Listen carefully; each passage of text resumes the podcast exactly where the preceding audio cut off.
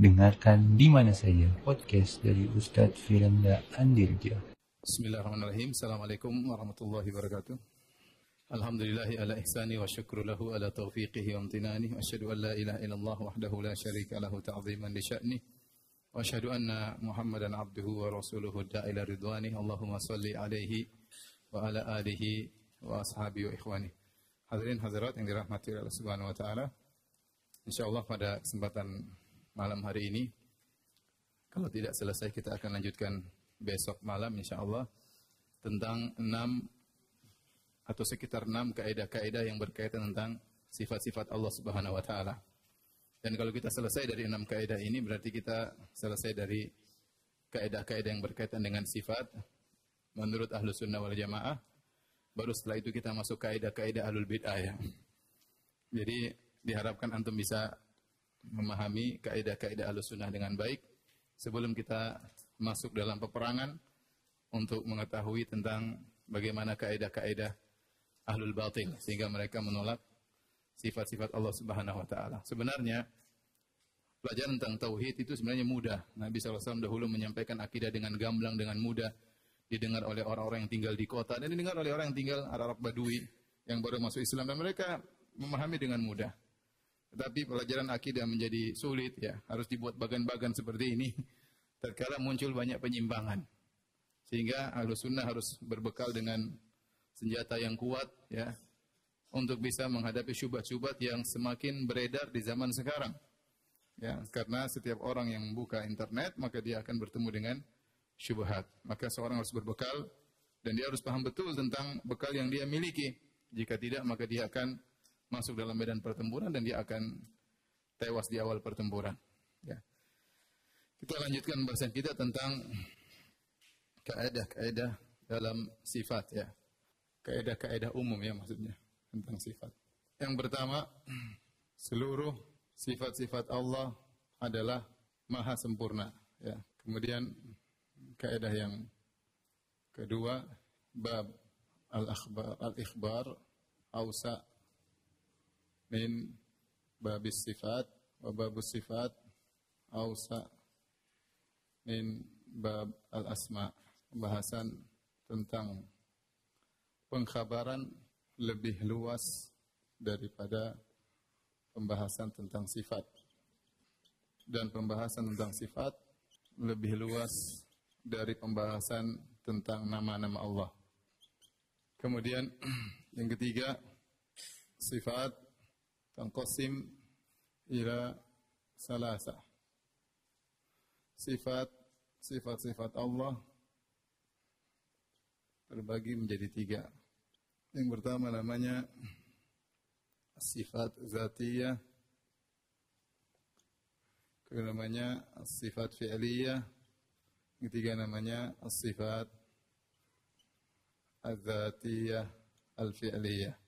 Kaidah yang Keempat, al-kalam. Fi sifat kal-kalam fi zat. Yang kelima, al-kalam fi ba'd sifat kal-kalam fi al-ba'd akhar.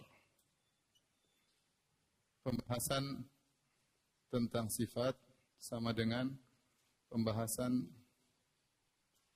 tentang zat. Kemudian pembahasan tentang sebagian sifat sama dengan pembahasan tentang sifat-sifat yang lain. Yang keenam ya nggak bisa ya. Insya Allah nanti kita sebutkan pada kesempatan yang lainnya. Ini Kaidah pertama, kaidah kedua, kaidah ketiga, kaidah keempat, kaidah ke lima, enam nanti ya.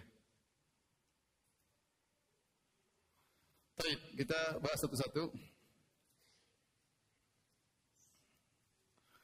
Antum perhatikan aja lah ya. Nanti foto ya. Saya khawatir antum tulis lewat Eh, yang sedikit bingung nanti. Baik. perhatikan aja dulu. Ya.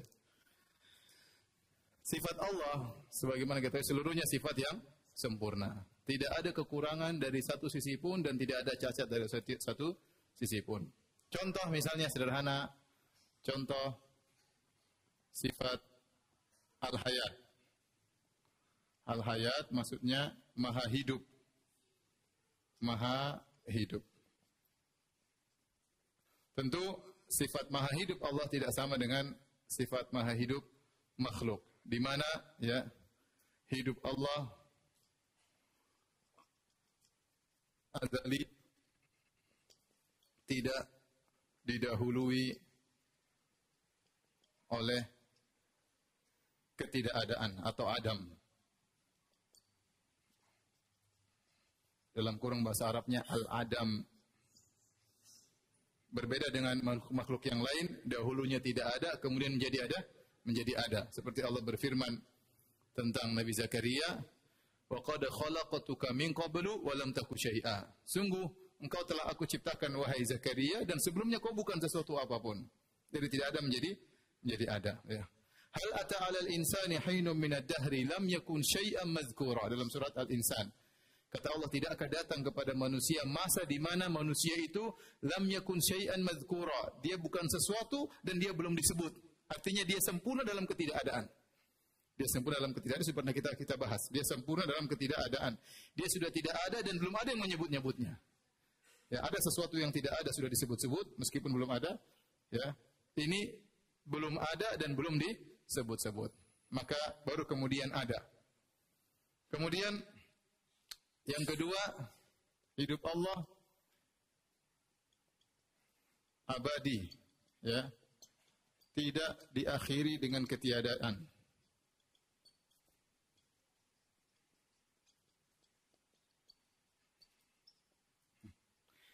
Adapun manusia maka kullu man 'alaiha fan. Kata Allah semua yang ada di atas muka bumi akan fana. Fana itu akan apa?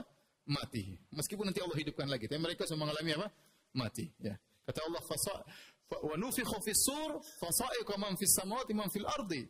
Tatkala ditiupkan sangkakala semua yang di langit ini semuanya mati illa man Allah kecuali yang Allah kecualikan. Tapi semuanya mati, hukum asalnya mereka semua mati kecuali yang Allah kecualikan. Kemudian hidup Allah sempurna yaitu uh, hidup Allah ya tidak membutuhkan yang lainnya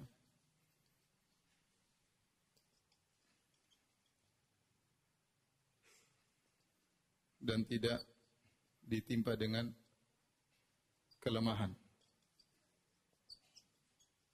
Berbeda dengan makhluk. Ada Allah mengatakan Allahu la ilaha illa huwa al-hayyul qayyum. Ialah Allah al-hayyu yang maha hidup.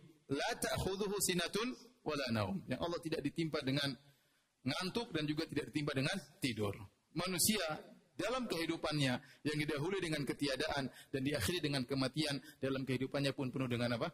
kekurangan, kelemahan, ngantuk dan yang lainnya, ya. Maka maha hidup Allah maha hidup kehidupannya penuh dengan kesempurnaan. Kalau ada yang bertanya, dan ini syubhat. Mereka bilang, ya Ustaz, ya, uh, penghuni surga atau penghuni neraka tidak akan abadi. Kalau penghuni surga dan penghuni neraka abadi, maka sama dengan Allah. Ya, ini syubhat dilemparkan oleh orang-orang ya liberal. Ya. Mereka mengatakan bahwasanya di surga dan di akhirat juga fana. Ya. Ada judulnya buku ternyata neraka tidak kekal. Ternyata surga juga tidak kekal. Ternyata bidadari juga tidak kekal. Repot. Jadi kata mereka kalau kita bilang bidadari penghuni surga kekal, maka kita menyamakan ini dengan Allah. Kita bilang tidak bakalan sama. Ya, karena semua itu penghuni surga, penghuni neraka kehidupannya tidak sama dengan kehidupan apa? Allah. Mereka didahului dengan ketiadaan dan mereka pernah mengalami kematian. Kalaupun mereka abadi di akhirat kelak, bukan karena zatnya, tapi diabadikan oleh Allah Subhanahu Wa Taala. Faham? Adapun Allah abadi dengan sendirinya.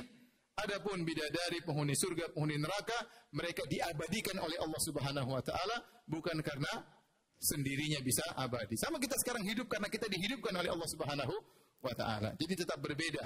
Abadinya makhluk tidak sama dengan abadinya apa? Allah Subhanahu wa taala karena kehidupan Allah sempurna. Ini contoh pertama. Contoh kedua misalnya sederhana.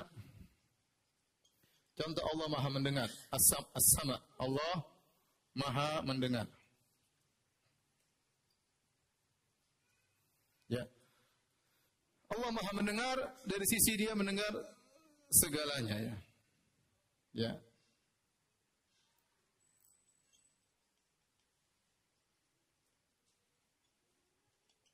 Adapun manusia tidak bisa mendengar segalanya, banyak hal yang tidak terdengar. Ya, oleh karena tatkala turun firman Allah Subhanahu wa taala, "Qad sami Allahu qaula allati tujadilaka fi zawjiha." Sungguh Allah telah mendengar keluhan sang wanita tatkala dia berdiskusi dengan Nabi sallallahu alaihi wasallam. Kata Aisyah radhiyallahu taala anha, "Kuntu fi nahiyatil bait." Aku berada di pinggir rumah dan aku mendengar Ba'da kalamiha aku mendengar sebagian perkataan sang wanita kepada Nabi sallallahu alaihi wasallam, ya. Wa yakhfa alayya ba'd dan sebagian perkataan aku tidak dengar. Ternyata Allah mendengar seluruh perkataan wanita tersebut. Kita manusia sangat terbatas ya pendengaran kita, adapun Allah pendengarannya tidak terbatas. Kemudian yang kedua, Allah bisa mendengar seluruh pendengaran dalam satu waktu, ya, bisa mendengar dalam satu waktu. Misalnya kita tidak tidak mampu, ya. Kita ada suara besar sedikit, yang kecil tertutup. Ya, yang kecil ter tertutup. Ya. Kemudian kalau ada orang bicara dengan kita, kita tidak bisa konsen. Kita hanya bisa fokus kepada salah satu orang. Misalnya tiga orang nih, mengadu kepada saya. Semuanya ceritakan masalahnya. Saya nggak bisa dengar semuanya. Saya hanya bisa terfokus pada salah salah satu. Apalagi sepuluh orang mengeluh. Satu mengeluh tentang ini, B, C, D, sampai oh, saya bingung gimana cara mendengarnya.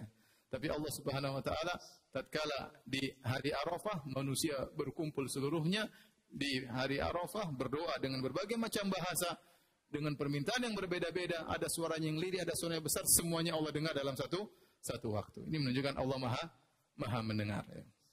Jadi seluruh sifat Allah adalah sempurna, tidak ada kekurangan sedikit pun. Ini insya Allah kita paham, ya. Oleh karenanya uh, seluruh nama seluruh sifat Allah adalah Maha sempurna. Ya. Baik.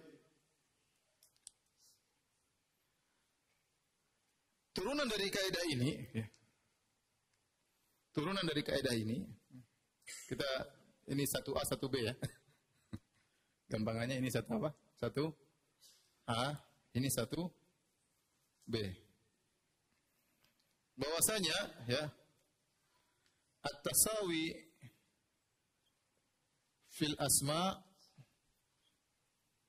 la yastalzim at-tasawi at-tasawi fil haqiqah.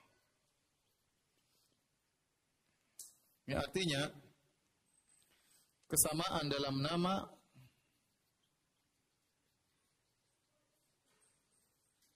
tidak melazimkan kesamaan dalam hakikat.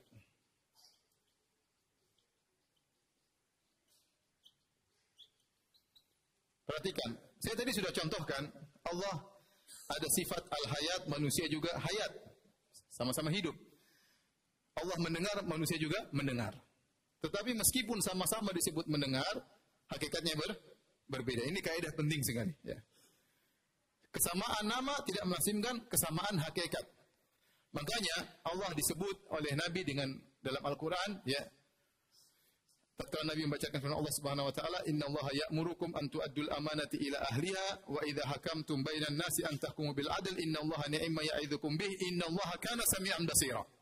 Kata Allah, Nabi bacakan firman Allah, sungguhnya Allah memerintahkan kalian untuk menyampaikan amanah kepada uh, pemiliknya. Kemudian di akhir ayat kata Allah, kata Nabi SAW menukil dalam Al-Quran, innallaha kana samian basira. Sungguhnya Allah maha mendengar lagi maha melihat. Samian basira, lafalnya sama. Inna Allah kana sami'an apa? Basira. Ternyata Allah juga sebutkan dalam manusia faja'alnahu sami'an basira. Manusia juga disifati dalam Al-Quran dengan apa? Sami'an basira. Hal ata al insani hina min ad-dahr inna hal ata al insani hina min ad-dahr lam yakun syai'an madhkura inna khalaqna al insana min nutfatin amsyajin nabtalihi sami'an basira. Sama persis. Kami ciptakan manusia dari air mani yang tercampur, faj'alnahu sami'an basira. Manusia sami'an basira, Allah juga sami'an apa? basira. Tetapi apakah sama mendengar dan melihatnya Allah dengan mendengar dan melihatnya manusia? Jawaban tidak sama. Lafalnya sama. Lafalnya sama. Ini kita perlu tekankan hal ini kenapa? Karena alul bidah tatkala mereka mengatakan ente bilang Allah punya wajah, kita punya wajah berarti sama dong. Kita bilang enggak. Kesamaan lafal tidak melazimkan kesamaan apa? Hakikat. Paham? Kesamaan lafal tidak melazimkan kesamaan hakikat. Dan ini dibahas dengan panjang lebar oleh Ibn Taimiyah rahimahullah taala dalam risalah Tadmuriyah. Dalam risalah Tadmuriyah beliau memberi contoh tentang dua hal yang menunjukkan bahwasanya kesamaan nama atau diberikan contoh yang luar biasa kesamaan nama tidak melazimkan kesamaan hakikat. Tadi disebutkan contohnya tentang apa? Sami'an apa? Sami'an basira. Inna Allah kana. Ini yang buat Allah. Sami'an basira. Untuk manusia faja faja'alnahu sama. Sami'an basira. Namun sami'an basira di atas tidak sama dengan sami'an basira di bawah. Contoh Ibnu Taimiyah menyebutkan tentang nikmat dunia dengan nikmat surga. Ibnu Abbas radhiyallahu anhu berkata, "Laisa syai'un fil jannah mimma fid dunya illa asma." Tidak ada yang sama antara dengan dunia dengan akhirat kecuali cuma sekedar nama yang sama. Sekedar nama yang yang sama. Semuanya beda. Pohon beda, sungai beda, buah beda, emas beda, perak beda, tanah beda. Semuanya beda. Istana beda. Apalagi perempuan beda. Semuanya beda. Contoh pohon. Sama-sama namanya pohon. Ternyata di surga laisa ma min sajarin fil jannah illa wasaquha min dhahab. Tidak ada satu pohon pun di surga kecuali batangnya terbuat dari emas. Eh, gimana? Sungai beda. Sungai di surga tajri min ghairi ukhdud, mengalir tanpa lubang, mengalir di atas. Ada sungai khamar, ada sungai susu, ada sungai madu. Mana di dunia ada? Namanya boleh sama-sama sungai, tetapi apa? Hakikatnya berbeda. Buah juga berbeda. Buah tanpa tidak mengenal musim, selalu ada. Ya, kutufu hadaniyah, turun dengan sendiri, tinggal dimakan, tidak perlu dimanjat.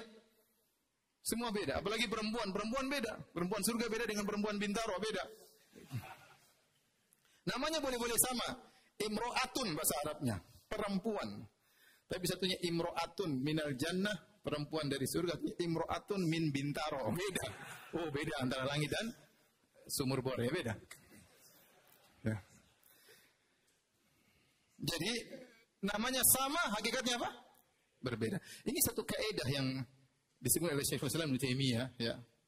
Berbeda antara namanya sama, hakikatnya beda. Contohnya tadi antara apa? Nikmat dunia dengan nikmat apa? Surga. Kemudian Ibnu Taimiyah juga memberi contoh, contoh kedua. Antara makhluk dengan makhluk beda. Ya. Kita bicara tentang mata saja, maksudnya mata mata gajah tidak sama dengan mata lalat misalnya. Ya, beda. Ya, kaki hewan tidak sama dengan kaki manusia. Ya. Kaki meja tidak sama dengan kaki hewan misalnya. Banyak hal berbeda. Contoh kita bicara kekuatan. Antara nyamuk dan gajah. Kekuatannya sama atau tidak? Namanya sama nggak kekuatan? Sama. Kekuatan nyamuk, kekuatan apa? Gajah. Mana yang lebih kuat, nyamuk atau gajah? Nyamuk ya. Gajah tidak bisa mengangkat dirinya terbang, nyamuk bisa mengangkat dirinya apa? Terbang. Jadi namanya sama-sama kekuatan, hakikatnya berbeda. Jadi jangan orang bilang, ente bilang Allah punya wajah, berarti wajah sama seperti wajah ente. Enggak lah. Namanya sama-sama wajah, hakikatnya ber berbeda. Namanya sama-sama tangan, hakikatnya ber berbeda. Karena seluruh sifat Allah maha sempurna. Karena seluruh sifat Allah maha sempurna, adapun kita manusia penuh dengan kekurangan. Ini kaidah turunan dari kaidah yang pertama. Paham sampai di sini? Masih gampang, insya Allah paham. Semakin ke sini semakin susah. Baik, sampai sini paham? Paham ya? Baik. Jangan lupa ditulis. Contohnya tadi apa? Nikmat surga. Terus apa? Nyamuk dan apa? Nyamuk dan gajah. Masalah kekuatan. Ya.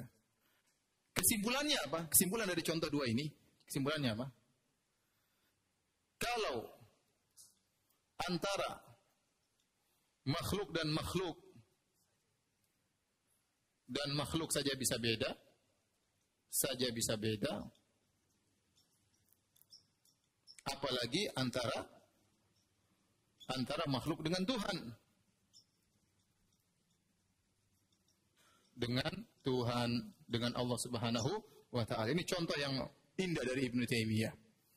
Nikmat surga makhluk atau bukan? Nikmat surga makhluk ciptaan Allah atau bukan? Bidadari ciptaan Allah bukan? Perempuan bintaro ciptaan Allah bukan? Antara makhluk dengan makhluk saja berbeda. Namanya sama berbeda. Apalagi antara makhluk dengan apa? Al-Khaliq dengan Tuhan.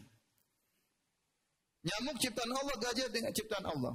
Sama-sama punya kekuatan. Namanya sama kekuatan, hakikatnya berbeda. Kalau makhluk dengan makhluk saja bisa berbeda, apalagi antara Tuhan dengan makhluk. Ya. Dan banyak kita sama jin apalagi dibanding kita dengan jin jauh berbeda. Kita dengan malaikat jauh berbeda. Mungkin namanya sama, tapi hakikatnya berbeda. Paham? Sampai sini paham? Baik. Kita lanjutkan. Berikutnya Babul ikhbar ausa min babis sifat wa sifat ausa min babil asma. Maksudnya ini pembahasan tentang pengkhabaran lebih luas daripada pembahasan tentang sifat dan pembahasan tentang sifat lebih luas daripada pembahasan tentang nama-nama Allah. Maksudnya ini sebenarnya kaidah cuplikan dari kaidah tentang nama-nama Allah Subhanahu wa taala. Bahwasanya nama-nama Allah itu tidak sembarang kita boleh memberi nama kepada Allah. Allah yang menamakan dirinya. Ya, kata Allah walillahil asmaul husna fad'uhu biha. Sungguhnya Allah memiliki nama-nama yang indah. Alif lam di situ namanya alif lam al-ahdiyah. Antum enggak ngerti bahasa Arab sih ya. alif lam alif lam al-ahdiyah artinya sungguhnya nama-nama Allah tersebut adalah nama-nama yang terindah. Tersebut maksudnya Allah yang menamakan dirinya. Ya. Fad'uhu biha maka berdoalah kepada Allah dengan menyebut nama-nama tersebut. Ya. Makanya di antara doa untuk menghilangkan kesedihan Nabi berkata, Allahumma ini as'aluka bi kulli ismin huwa lak sammaita bihi nafsa. Ya Allah, aku bertawassul kepada Engkau dengan seluruh nama-nama yang kau miliki sammaita bihi nafsa yang kau namakan dirimu dengan nama-nama tersebut. Jadi yang berhak menamakan Allah siapa? Dirinya sendiri. Ya. Oleh karenanya kalau kita menyebut nama Allah ini tidak sembarangan, harus ada dalilnya. Tidak boleh kita menamakan Allah dengan nama sembarangan. Maka nama Allah itu lebih ketat. Lebih ketat. Tidak boleh kita bilang nama Allah begini, nama Allah begini, kecuali ada dalilnya. Ini nanti insya Allah pada pembahasan yang lain kalau ada waktu ya. Kemudian setiap nama Allah mengandung apa? Sifat. Seperti Al-Alim. Al-Alim itu nama Allah. Alim, maha berilmu dan mengandung sifat ilmu. Paham? Mengandung sifat ilmu. Al-Hayyu, nama Allah Al-Hayyu artinya maha hidup dan pasti Allah memiliki sifat maha hidup. Setiap nama Allah mengandung nama dan sifat. Tetapi tidak setiap sifat-sifat yang Allah sebut ke dalam Al-Quran bisa kita cuplikan namanya. Dari sini kita tahu, saya ulangi, tidak setiap nama mengandung sifat, tapi tidak setiap sifat yang Allah sebutkan dalam Al-Quran, lantas kita bisa cuplikan nama darinya, sehingga pembahasan tentang sifat lebih luas daripada pembahasan tentang nama. Mulai bingung kan? Kalau ikhbar, pengkhabaran tentang Allah lebih bebas lagi. Tidak terikat dengan dalil yang penting mengabarkannya benar. Saya ingin maksudnya saya mengatakan Allah Subhanahu wa taala ya yang uh, menciptakan bintaro. Jelas tidak tidak ada dalilnya secara khusus, tapi kita tahu itu benar. Itu namanya pengkhabaran tentang Allah. Maka boleh kita menghabarkan tentang Allah meskipun tidak terikat dengan Al-Qur'an dan Sunnah yang penting maknanya benar. Seperti Allah berfirman dalam Quran, "Kul ayu syai'in akbaru syahada." Katakanlah Allah menamakan Allah menyebut rintang syai' sesuatu. Kul ayu syai'in akbaru syahada. Katakanlah sesuatu apakah yang paling besar persaksiannya? Kulillah. Allah sesuatu tersebut yang persaksiannya paling besar. Kul ayu syai'in. Allah mengatakan dirinya dengan syai' sesuatu. Nah, dalam pengkabaran kita tidak boleh sembarangan. Harus dengan makna yang benar. Semua pengkabaran yang tidak benar maka tidak boleh kita tetapkan. Contoh seperti yang pertanyaan pada pertemuan lalu kita mengatakan Allah Maha Mesra misalnya. Ini hati-hati ya. Karena mesra itu ada makna konotasi yang terkadang seperti hubungan seorang suami dengan apa? Istri. Maka hendaknya kita jauhi. Seperti Allah keren ya. Ini khawatir juga ada mana konotasi yang buruk mending kita jauhi. Kita kata Allah Maha Indah. Inna Allah jamil yuhibbul jamal. Allah Maha Indah, Allah suka dengan keindahan. Dan lafal yang lebih baik. Karena keren ya, khawatirnya ada makna yang konotasi. Sebaiknya kita hindari. Setiap kata-kata yang kita bicarakan tentang Allah harus hati-hati. Karena dia Tuhan pencipta kita. Kita saja kalau berbicara tentang bos kita, kita hati-hati. Ya, kalau ketahuan kita ngomongin bos begini-begini, ya bisa jadi bos salah paham. Apalagi Allah Subhanahu wa Ta'ala. Uh, saya anggap antum paham ya. Nanti ada bahasanya cuplikan aja, tidak begitu penting. Nah, ini yang susah sekarang. Sifat zatiyah, sifat fi'liyah, sifat zatiyah, fi'liyah. Sifat-sifat Allah terbagi menjadi tiga. Sifat-sifat Allah terbagi menjadi tiga. Yang pertama disebut dengan sifat zat, sifat zatiyah. Sifat-sifat zatiyah. Apa itu sifat-sifat zatiyah? Sifat yang tidak terpisah dari zat Allah Subhanahu wa taala. Yaitu sifat-sifat yang tidak pernah terpisah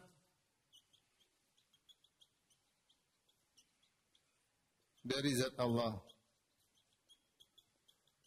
Contoh sederhana, contoh wajah, ya, zat, tangan, ya. Kemudian eh, apa namanya kaki Allah, ya, dan lain-lain, ya. Ilmu, ya. Kemudian ada namanya sifat fi'liyah. Sifat fi'liyah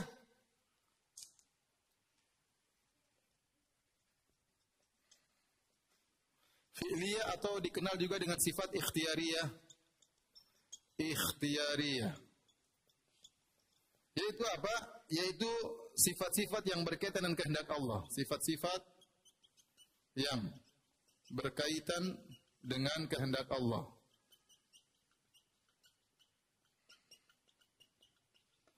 Jika Allah hendak berkehendak berkehendak, maka Allah lakukan.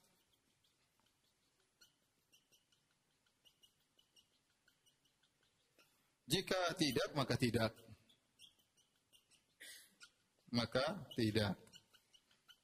Contoh rahmat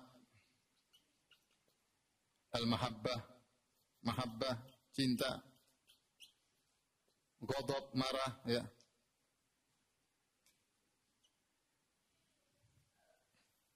marah, murka misalnya.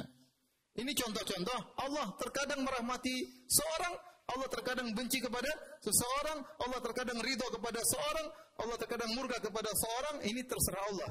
Paham? Terserah Allah. Di antaranya istiwa. Kalau Allah berkehendak, ya, istiwa atau kemudian nuzul, ya. Kalau Allah berkehendak Allah turun ke langit dunia, kalau Allah berkehendak Allah tidak turun ke langit dunia. Allah beristiwa terus Allah beristiwa ya.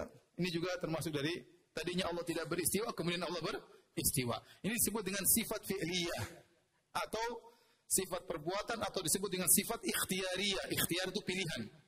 Allah milih mau bekerjain atau tidak. Aha. Apakah Allah selalu rahmat? Kan enggak. Ya, terkadang Allah merahmati, terkadang Allah membenci. Terkadang Allah mencintai, terkadang Allah murka. Ya, itu namanya sifat fi'liyah. Paham sampai di sini? Baik. Yang ketiga adalah gabungan sifat zatiyah sekaligus fi'liyah. Sifat-sifat. Zatiyah fi'liyah. Ini perhatikan baik-baik. Ini adalah sifat-sifat sifat-sifat yang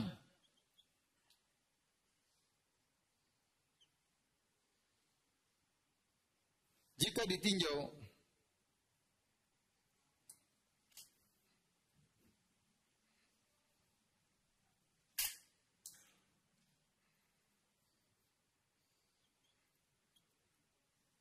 yang disebut dengan qadimun nau hadisul ahad.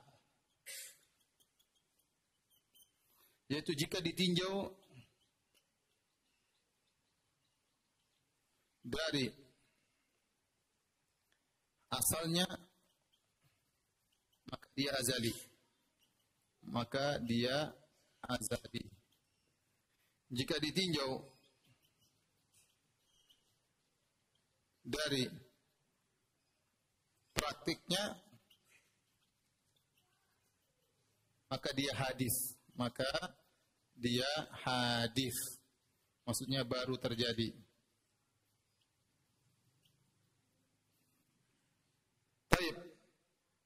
Kita kasih contoh sifat-sifat ini, sifat-sifat yang zatiyah dan fi'liyah. Contohnya sifatul kalam. Sifatul kalam, sifat berbicara. Saya tanya sama antum. Allah sejak kapan bisa berbicara? Sejak azali. Sejak ada zat Allah, sekaligus Allah sudah bisa berbicara. Berbeda dengan manusia, manusia bisa berbicara belakangan. Ada yang berbicara tatkala umur 2 tahun, itu pun masih terbata-bata. Ada yang baru sempurna bicara tatkala umur 5 tahun, ya. Jadi sifat bicara tersebut datang belakangan. Dahulunya manusia tidak bisa apa? Bicara. Adapun Allah dan semakin manusia cepat bicara semakin sempurna. Contohnya Nabi Isa alaihissalam sejak kecil ya tatkala digendong dia sudah bisa berbicara, maka semakin sempurna. Adapun Allah Subhanahu wa taala sejak azali sudah bisa berbicara. Maka ditinjau dari asalnya dia azali. Ini contoh kita bicara dengan masalah sifat bicara. Ditinjau dari asalnya qadimun maka dia azali. Ditinjau dari kapan Allah mempraktekkan bicara tersebut, maka dia sesuatu yang baru. Kapan Allah berkata kepada Nabi Musa, "Wa matil kabiyaminika ya Musa." Apa yang ada di tangan kananmu wahai Nabi Musa? Kapan Allah ngomong begitu? Apa kau ngomong sejak azali waktu atau ketemu tatkala ketemu Nabi Musa? Tatkala ketemu Nabi Musa. Paham di sini? Ya, terjadi dialog sama Nabi Musa. Wa matil kabiyaminika ya Musa, wahai Musa, apa yang di tangan kananmu? Kata Nabi Musa, qala hiya asaya atawakkau 'alaiha. Ini adalah tongkatku, aku bertelekan di atasnya. Wa ahusyu biha ala ghanami, aku untuk mengembalakan kambing-kambingku. Wa liya fiha ma'aribu ukhra, dan aku punya keperluan yang lain dengan tongkatku. Allah nimpali lagi. Qala alqiha ya Musa, lemparkanlah tongkatmu hai Musa.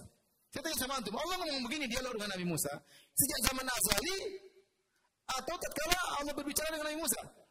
Tatkala berbicara. Paham? Maka itu disebut dengan hadisu hadisul ahad. Prakteknya itu azali. Sifat pembicaraannya Allah mampu berbicara sejak azali. Tapi kapan berbicara, mau bicara dengan siapa, prakteknya, topiknya apa terserah Allah. Dan itu disebut dengan maha berbicara. Adapun orang bicaranya nggak pernah berubah, ah, itu berarti dia tidak maha berbicara. Yang tidak pernah berubah-ubah. Kapan mau bicara, kapan tidak berbicara, berarti dia tidak pandai berbicara. Justru Allah Maha berbicara, dia mau berbicara kapan saja dengan siapa pun, dengan topik apa pun terserah Allah. Ditinjau dari kapan bicaranya, maka dia sesuatu yang baru. Faham? Paham tidak? Yang tidak paham mengatakan. Yang paham? Saya mau uji. ya. Saya ulangi sekali lagi. Kita punya sifat datiyah. Sifat datiyah ini sejak azali ada, tidak pernah berubah-ubah. Sejak azali Allah sudah punya wajah, sudah punya tangan, sudah punya kaki, ya. dan seterusnya. Allah sudah punya ilmu sejak apa? Azali. Tidak pernah terpisah dari Allah sedikit pun tidak pernah. Sifat fi'liyah, ikhtiariyah kapan Allah berkehendak Allah lakukan, kapan tidak Allah tidak lakukan. Seperti nuzul ilahi, turun ke langit dunia. Tidak setiap saat Allah lakukan. Tatkala seperti malam terakhir baru Allah turun ke langit dunia. Rahmat, Allah merahmati. Tidak setiap saat Allah merahmati si fulan. Allah mencintai seorang hamba, mahabbah. Kalau dia beramal soleh, Allah mencintainya. Makanya Allah mengatakan, la wala yazala, wala yazalu abdi yataqarrabu ilayya binawafil hatta uhibbah. Senantiasa hambaku mendekatkan dirinya denganku dengan perkara-perkara sunnah sampai aku mencintainya. Fa idza ahbabtuhu kalau aku mencintainya berarti baru terjadi enggak? Baru. Itu namanya sifat fi'liyah. Kalau Allah berkehendak Allah lakukan, kalau Allah tidak berkehendak Allah tidak lakukan. Paham sampai sini? Nah, di tengah-tengah itu ada namanya sifat zatiyah fi'liyah. Ditinjau dari satu sisi dia zatiyah azali. Maksudnya zatiyah maksudnya apa? Azali ditinjau dari satu sisi, dia tidak pernah lepas dari Allah. Ditinjau dari satu sisi, prakteknya dia fi'liyah. Contoh saya ulangi sifatul kalam. Sifatul kalam dari sisi jenis sifatnya dia azali. Sejak Allah azali sudah punya sifat kalam. Dan apakah pernah Allah tidak bisa berbicara? Tidak pernah Allah selalu bisa berbicara. Dari sisi itu berarti sifat berbicara tidak pernah lepas dari Allah. Maka dia adalah sifat dia. Paham sampai sini? Wahai orang-orang Bintaro. Ayuhal Bintoriun ya. Paham tidak? Dari sisi sifatul kalam, dari sisi jenisnya adalah zatiyah karena Allah selalu sejak azali selalu bisa berbicara sampai kapan pun selalu bisa berbicara. Ditinjau dari praktek bicaranya, kapan bicaranya maka dia fi'liyah karena berkaitan dengan kehendak. Ikhtiariyah kapan Allah bicara baru Allah bicara. Allah bicara dengan siapa terserah. Makanya Allah memilih bicara dengan Nabi Musa. Kata Allah, "Ya Musa, inni stofaituka 'ala nasi bi risalati wa bi kalami." Wahai Musa, sungguhnya aku milih engkau di antara manusia dengan risalah. Aku jadikan engkau sebagai seorang rasul wabi kalami karena aku bicara dengan engkau secara khusus. Allah tidak bicara dengan kita, mana pernah bicara dengan kita. Jin aja nggak pernah, apalagi Allah subhanahu Ya, nggak ada. Allah tidak bicara dengan semuanya, tapi Allah berbicara dengan yang Dia kehendaki. Ini menunjukkan bahwasanya sifat berbicara dari satu sisi dia adalah apa? Fi fi'liyah. Paham tidak? Hmm? Paham? Mau kasih contoh lagi? Sudah ya? Entah bingung. Mumpung lagi paham, saya lanjutkan. Kalau saya kasih contoh nanti bingung.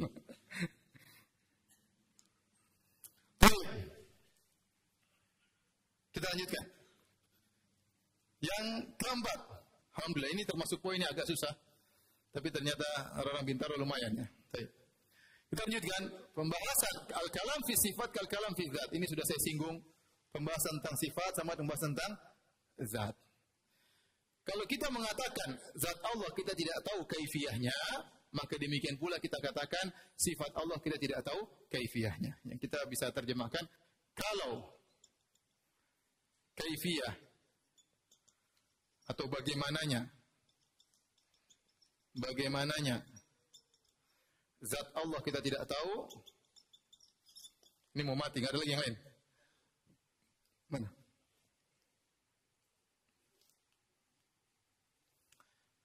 Bagaimana bagaimana zat Allah kita tidak tahu maka demikian pula pula bagaimananya sifat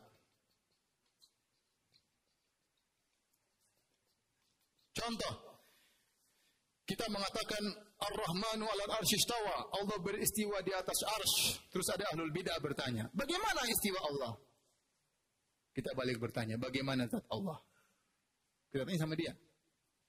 Ente tahu enggak gimana zat Allah? Saya enggak tahu. Kalau gitu bagaimana sifat pun saya tidak tahu. Paham? Karena pembahasan tentang sifat sama tentang pembahasan tentang apa? Zat. Paham? Kalau kita mengatakan Allah memiliki dua tangan sampai Allah mengatakan kepada iblis, "Ma mana'aka antas juda lima khalaqtu biyadayya?" Wahai iblis, apa yang mencegahmu untuk sujud kepada Adam yang aku spesialkan dengan aku ciptakan dengan kedua tanganku? Kita bilang ini ayat menunjukkan Allah punya dua tangan. Alul bidah mengatakan, "Bagaimana tangan Allah?" Kita bilang, "Ente bagaimana zat Allah?" Saya nggak tahu. Ya sudah, saya juga nggak tahu bagaimana tangan Allah. Paham? Paham tak? Mudah kan? Mudah, alhamdulillah. Paham ya? Yakin? Oke. Okay. Baik. Yang terakhir, ini cepatnya tadi kalau ada yang bertanya.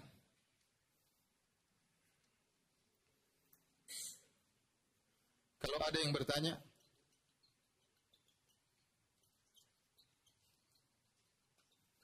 bagaimana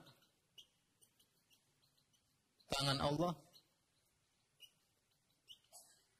Kita jawab, anda coba jelaskan bagaimana apa? Bagaimana zat Allah? Jawaban Anda Anda adalah jawaban kami. Masya Allah. Faham? Kalau ada yang bertanya kepada kita, bagaimana tangan Allah? Kita bilang bagaimana zat Allah. Jawaban Anda adalah jawaban apa? Kami. Selesai? Paham? Ya.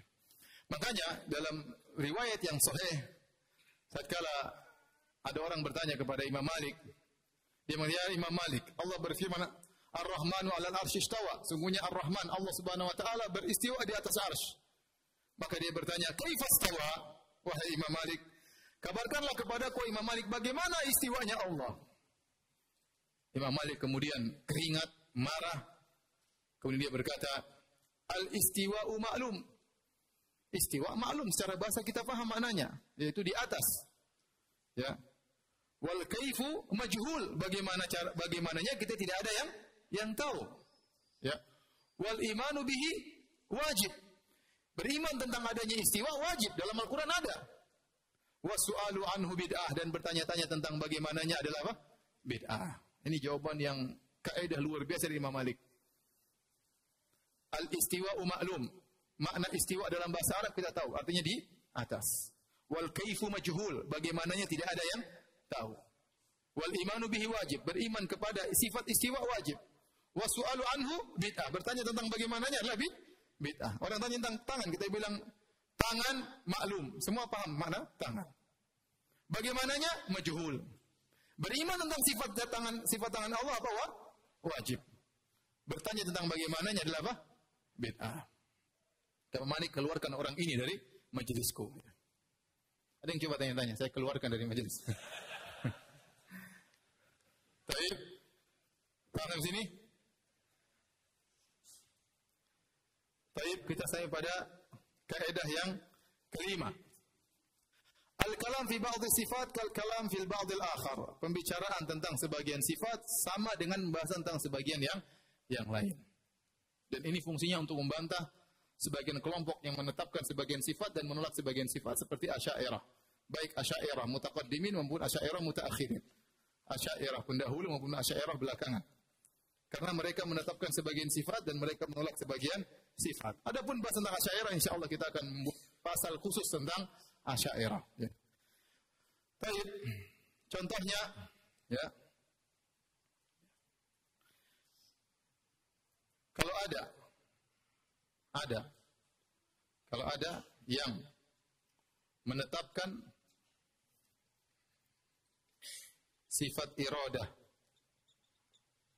berkehendak tapi menolak menolak sifat rahmat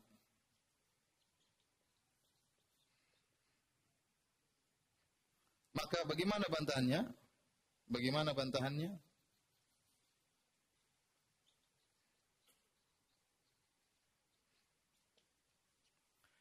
Mereka contohnya orang Asy'ariyah, mereka menetapkan sifat iradah. Allah berkehendak. Baik.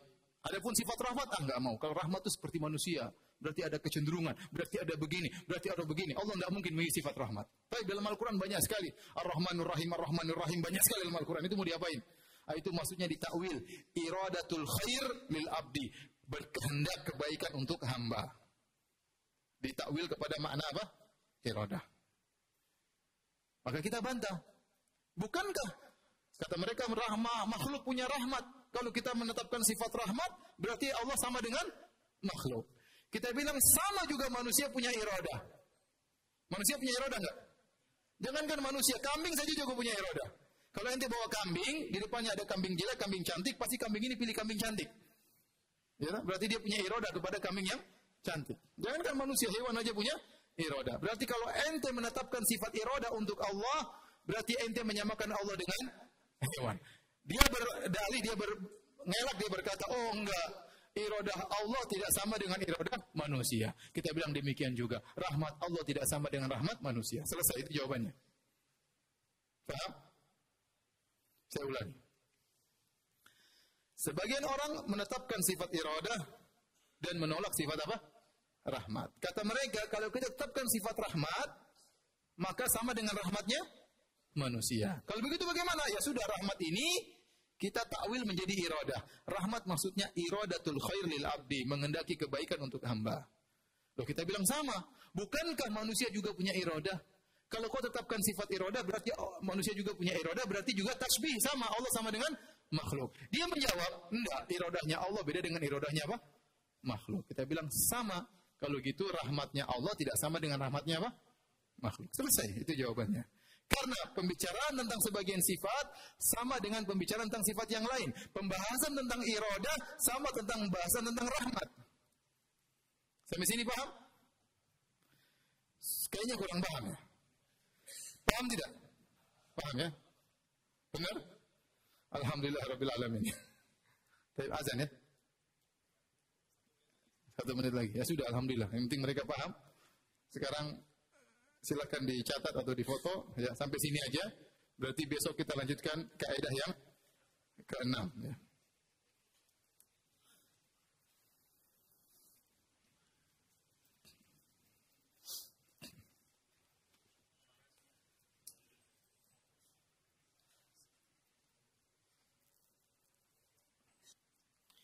Baik, kita akan membacakan beberapa pertanyaan ya. Assalamualaikum Ustaz, Waalaikumsalam warahmatullahi wabarakatuh. Bagaimana menjawab syubhat Allah berkata-kata dengan huruf berarti seperti makhluk? Ya. Ini akan kita bahas, tapi kita katakan bahwasanya suara Allah tidak sama dengan suara apa? Makhluk. Ya. Sama seperti al-qaul fi ba'dhi sifat kal qaul fi ba'dhi akhar. Kita bilang Allah punya ilmu enggak? Punya. Makhluk punya ilmu enggak? Punya. Apakah ilmu Allah berarti sama dengan ilmu makhluk? Jawabannya tidak. Kalau begitu kita katakan suara Allah juga tidak sama dengan suara makhluk. Al-Quran orang paham, tidak ada yang bisa buat seperti Al-Quran. Itu semakin bukti itu firman Allah. Seandainya Al-Quran itu karangan Muhammad, Muhammad hanya ungkapannya Muhammad, maka semua orang akan bisa membuat apa? Al-Quran, apalagi orang-orang Arab mereka jago syair dan yang lainnya. Bahkan mungkin mereka lebih jago dari Rasulullah Sallallahu Alaihi Wasallam. Apalagi kalau mereka bersatu padu. Tetapi karena Al-Quran ini hurufnya dan kata-katanya dari Allah tidak ada yang mampu membuat seperti Al-Quran. Faham? Dan nanti insya Allah kita akan bahas secara khusus tentang sifatul kalam karena Ibnu Taimiyah rahimahullah dalam Al-Aqidah Setia membuat fasal khusus tentang sifatul kalam. Insya Allah pada pembahasan selanjutnya sabar ya. Pertanyaan berikutnya,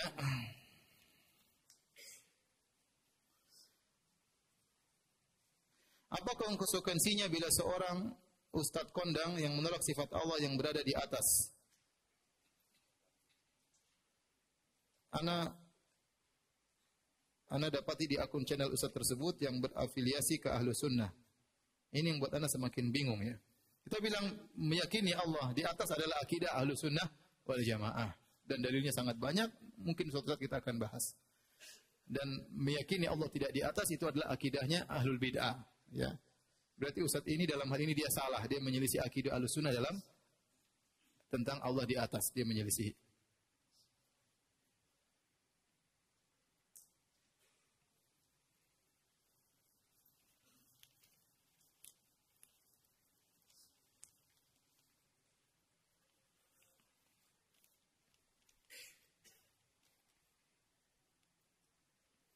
Ini sama. Ustaz tolong jelaskan tentang sifat Allah di atas bisa dalil dan logikanya pembahasannya nanti. Ya, nanti insya Allah. Ini pertanyaan masalah fikih ya. Saya bacakan jawabannya dari Syekh Al-Utsaimin rahimahullah taala. Apakah tempat ruangan yang disediakan di gedung kantor atau kampus untuk sholat dapat dihukumi sebagai masjid untuk laki-laki? Di sana tidak dikumandangkan azan. Bagaimana kalau kita menurut azan dari masjid? Bagaimana ketika sholat jam 13.00 ya. Dan ini sama dengan pertanyaan disampaikan kepada Syekh Utsaimin tentang hukum orang yang sholat di kantor-kantor di instansi pemerintah. Ya. Maka Syekh Utsaimin menjawab, kita bertanya, apakah mungkin dia keluar dari kantornya menuju masjid yang dekat sekitar mereka untuk sholat berjamaah? Kalau dia mungkin untuk keluar ke masjid dan sholat di masjid yang dekat dengan dia tanpa menyia-nyiakan pekerjaan tanpa e, merusak pekerjaan, maka wajib baginya untuk sholat di masjid. Karena menurut pendapat yang lebih kuat, di antara perkataan para ulama bahwa sholat berjamaah wajib harus di masjid. Meskipun sebagian ulama berpendapat bahwasanya yang wajib hanyalah berjamaah, apakah di masjid atau di rumah atau di kantor. Jadi Syekh Utsaimin menyampaikan khilaf ya. Dia mengatakan sebagian ulama berpendapat yang penting berjamaah apakah di rumah ataukah di kantor ataukah di masjid. Yang penting berjamaah. Pendapat yang rojih menurut Syekh Utsaimin bahwasanya jamaah wajib di masjid. Kalau mungkin untuk keluar harus keluar.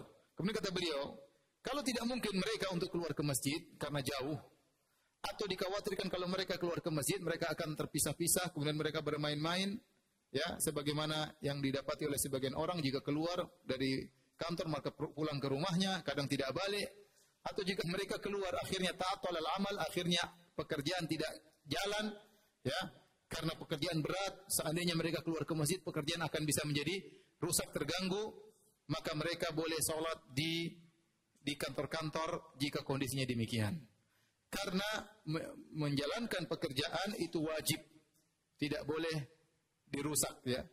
Jadi saya Utsaimin membolehkan kalau memang seandainya pekerjaan tersebut kalau ditinggalkan bakalan apa?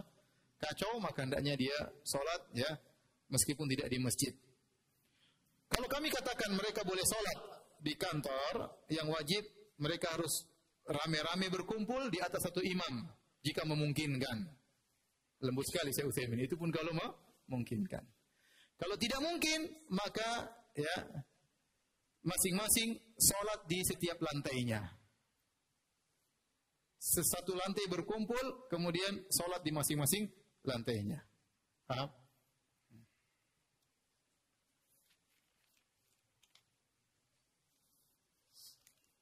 Dan itu dipraktekkan oleh kami di Universitas Islam Madinah. Di waktu zaman saya kuliah, masjid cuma satu, namanya Masjid Syekh bin Bas, rahimahullah, tapi agak jauh.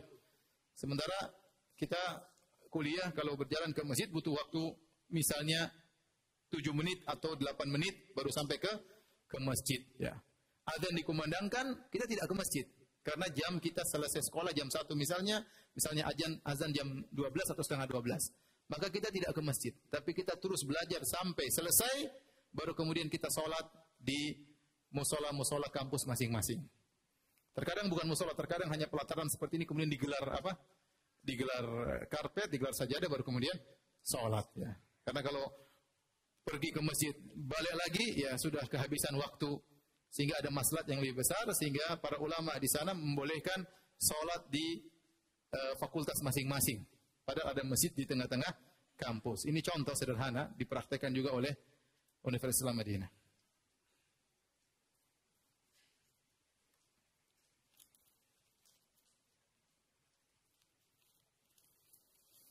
Nanti ikhwan ya, ini banyak syubhat ditanyakan insya Allah untuk mengaji pelan-pelan ya. Pelan-pelan, sabar, murojaah, ulang lagi ya. Ya, ini menunjukkan bahwasanya setiap orang berinteraksi dengan medsos pasti terkena syubhat. Pasti membaca apa? Syubhat. Maka antum harus ngaji yang benar. Ya. Harus ngaji yang benar, bukan cuma makan yang benar. Ngaji juga harus apa? benar ya. Harus serius. Catat, bukan cuma di foto ya.